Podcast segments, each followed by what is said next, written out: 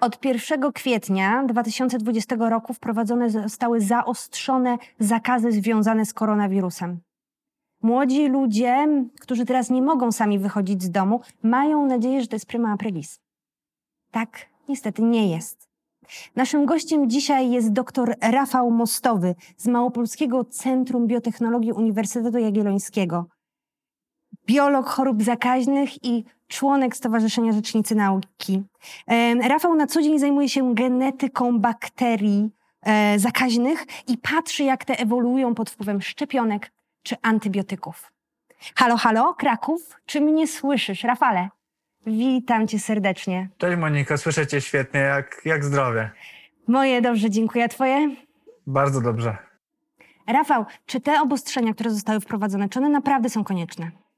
Więc z epidemiologicznego punktu widzenia wszystkie obostrzenia, które ograniczają liczbę naszych kontaktów, są potrzebne, ponieważ e, ograniczają zakaźność wirusa, spowalniają epidemię i dzięki temu pomagają nam nie przeciążyć służby zdrowia. Mhm.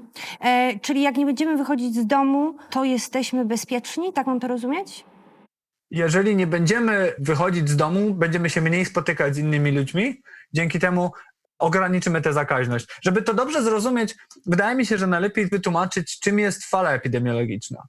Jeżeli popatrzymy na grafikę, to zobaczymy e, krzywą, która przedstawia liczbę zakażonych w czasie i można ją podzielić na trzy fazy. I teraz możemy sobie wyobrazić e, sytuację, że pojawia się osoba, która jest zakażona wirusem i pojawia się w populacji podatnej. Co to znaczy? To znaczy, że nikt nie ma przeciwciał i w związku z tym odporności, żeby uchronić się przed zakażeniem. Mhm. Zatrzymam ciebie.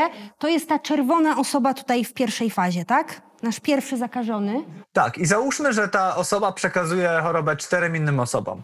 I to są te czerwone osoby dookoła niej. Tak, to w epidemiologii nazywa się współczynnikiem R0 e, i jest miarą zakaźności choroby.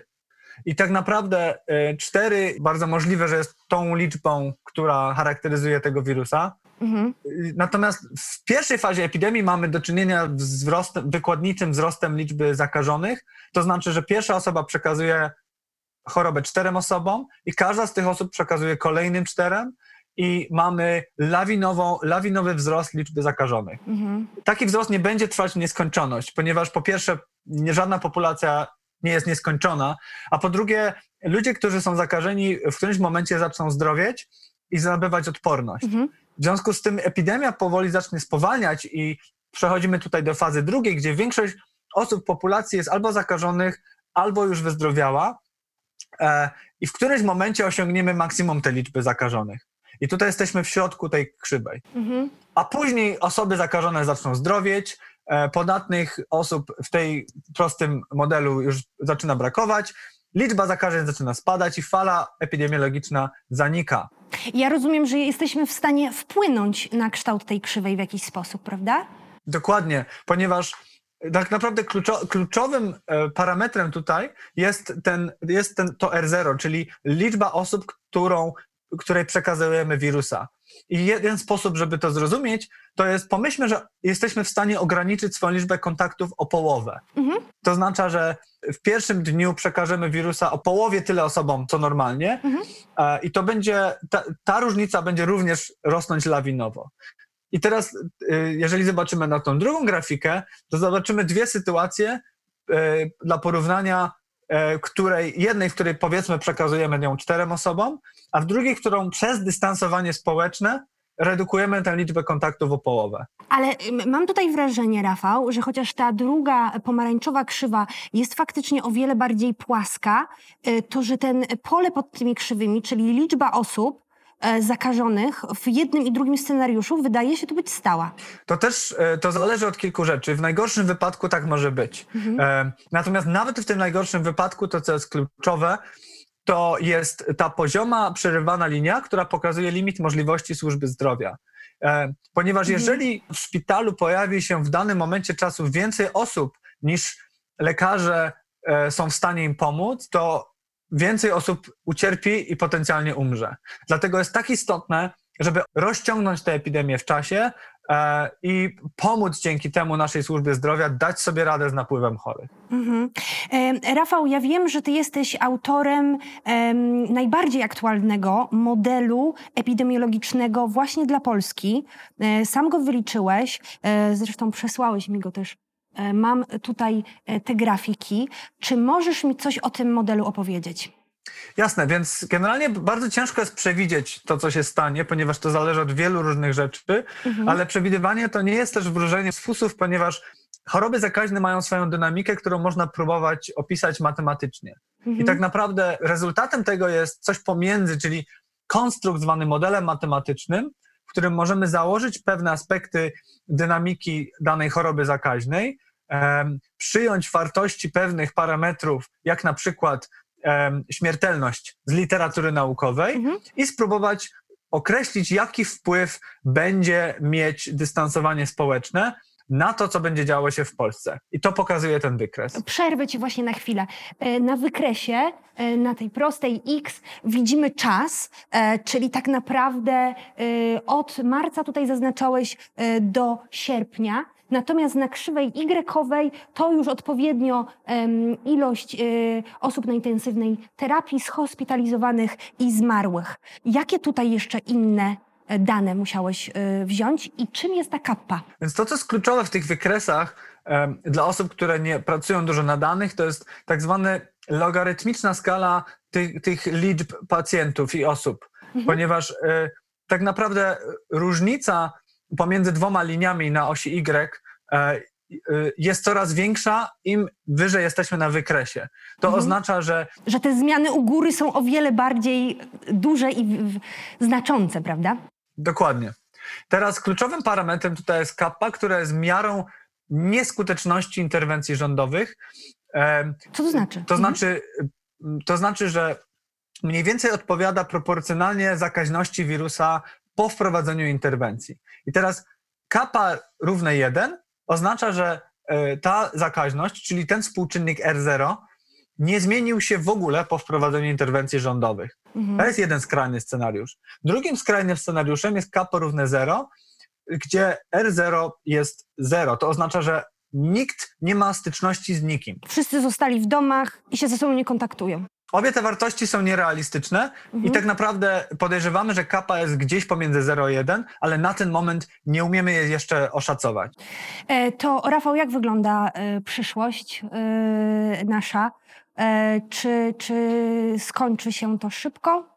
Czy, czy, czy będziemy musieli długo czekać? Więc ten wykres pokazuje, że tak naprawdę to w ogromnym stopniu zależy od tego, co teraz zrobimy. Mhm nie wychodząc z domu ograniczymy swoje kontakty do absolutnego minimum, to e, jest szansa, że ta kappa spadnie e, gdzieś bliżej zeru. Mhm i wtedy ta fala epidemiologiczna minie w najbliższych nadchodzących tygodniach. Mhm.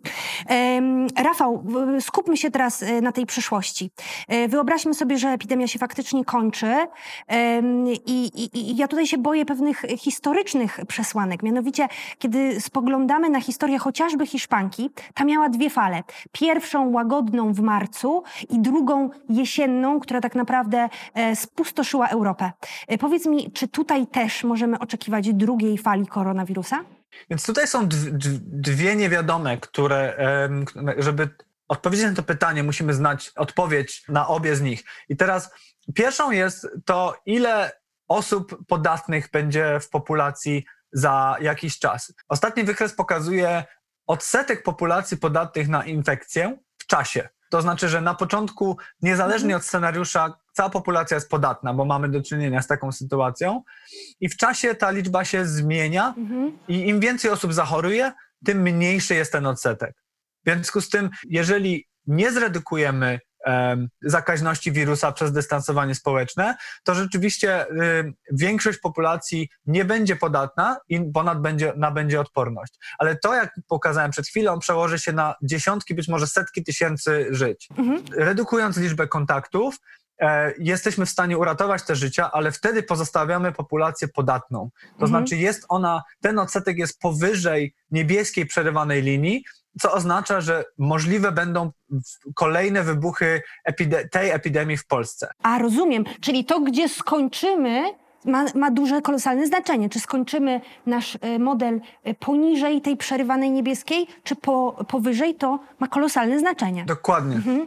Dokładnie, ponieważ jeżeli skończymy powyżej, to oznacza, że będą możliwe kolejne wybuchy. I teraz pytanie, czy one będą mieć miejsce, to jest ta druga niewiadoma. Y, To zależy od tego, jak zakaźne zmienia się w, y, w zależności od pogody. Mamy przesłanki naukowe, żeby myśleć, że z jednej strony prawdopodobnie koronawirus stanie się mniej zakaźny w lecie, ale że najprawdopodobniej nie zniknie i wróci na jesień i wtedy może mieć miejsce dokładnie ta sytuacja, o której ty mówiłaś. Mhm. I dlatego tak ważna jest teraz długoterminowa strategia radzenia sobie z pandemią koronawirusa w Polsce. To faktycznie mi e, e, świetnie to wyjaśniłeś. Rafał, na koniec ostatnie pytanie. I to pytanie, e, które nadesłane zostało przez naszych widzów. Nadesłane zostało na skrzynkę Ministerstwa Nauki i Szkolnictwa Wyższego. Cały czas mówimy o przyszłości i mówimy właśnie o tej nabytej odporności populacji. E, Coraz więcej mówi się e, o nabytej odporności e, populacji i widzowie pytają, czy w momencie, kiedy nasze społeczeństwo nabędzie taką odporność, czy wtedy będziemy bezpieczni? Ten poziom odporności stadnej określa ta niebieska przerywana linia. Mhm. I, I tak naprawdę jedyny sposób, żeby sobie z tym poradzić, żeby nie ucierpiały dziesiątki tysięcy osób na tej epidemii, to jest wprowadzając szczepionkę. A taka szczepionka nie pojawi się przez najbliższy rok, półtora. Dlatego tak ważne jest dystansowanie społeczne e, oraz inne interwencje rządowe, mam nadzieję, w przyszłości, które pomogą nam w jakiś sposób otwierać społeczeństwo, a jednocześnie e, zapobiegać przyszłym wybuchom pandemii. O szczepionkach będziemy rozmawiać z kolejnymi ekspertami, ale to już w kolejnych odcinkach. Rafał, e, ja Ci za tę rozmowę bardzo e, serdecznie dziękuję. I na sam koniec chcę Cię zapytać, czy jesteś optymistą w tym wszystkim? Jesteś autorem najbardziej aktualnego modelu epidemiologicznego dla Polski. Czy jesteś optymistą? Jestem optymistą, ponieważ uważam, że współpracując razem, zarówno w Polsce, jak i pomiędzy krajami, jesteśmy w stanie em, poradzić sobie z tą pandemią, ale też trzeba pamiętać, że to nie jest coś, co minie w najbliższym miesiącu. To jest coś, z czym będziemy mieć do czynienia przez długie miesiące i dlatego tak ważna jest współpraca em, pomiędzy ludźmi I cierpliwość, prawda? I chyba i cierpliwość. cierpliwość. Rafał, bardzo serdecznie Ci dziękuję. Pozdrawiam Kraków. Dzięki, cześć. Proszę Państwa, to tyle, jeżeli e, chodzi o dzisiejszy odcinek, ale to nie tyle, jeżeli chodzi o całą serię. Jeżeli e, macie pytania, proszę nadsyłajcie je na skrzynkę pocztową Ministerstwa Nauki i Szkolnictwa Wyższego, e, skąd będziemy mogli je pobrać i zadać naszym kolejnym ekspertom w kolejnych odcinkach. Ja zapraszam na nie serdecznie. Do zobaczenia w kolejny piątek.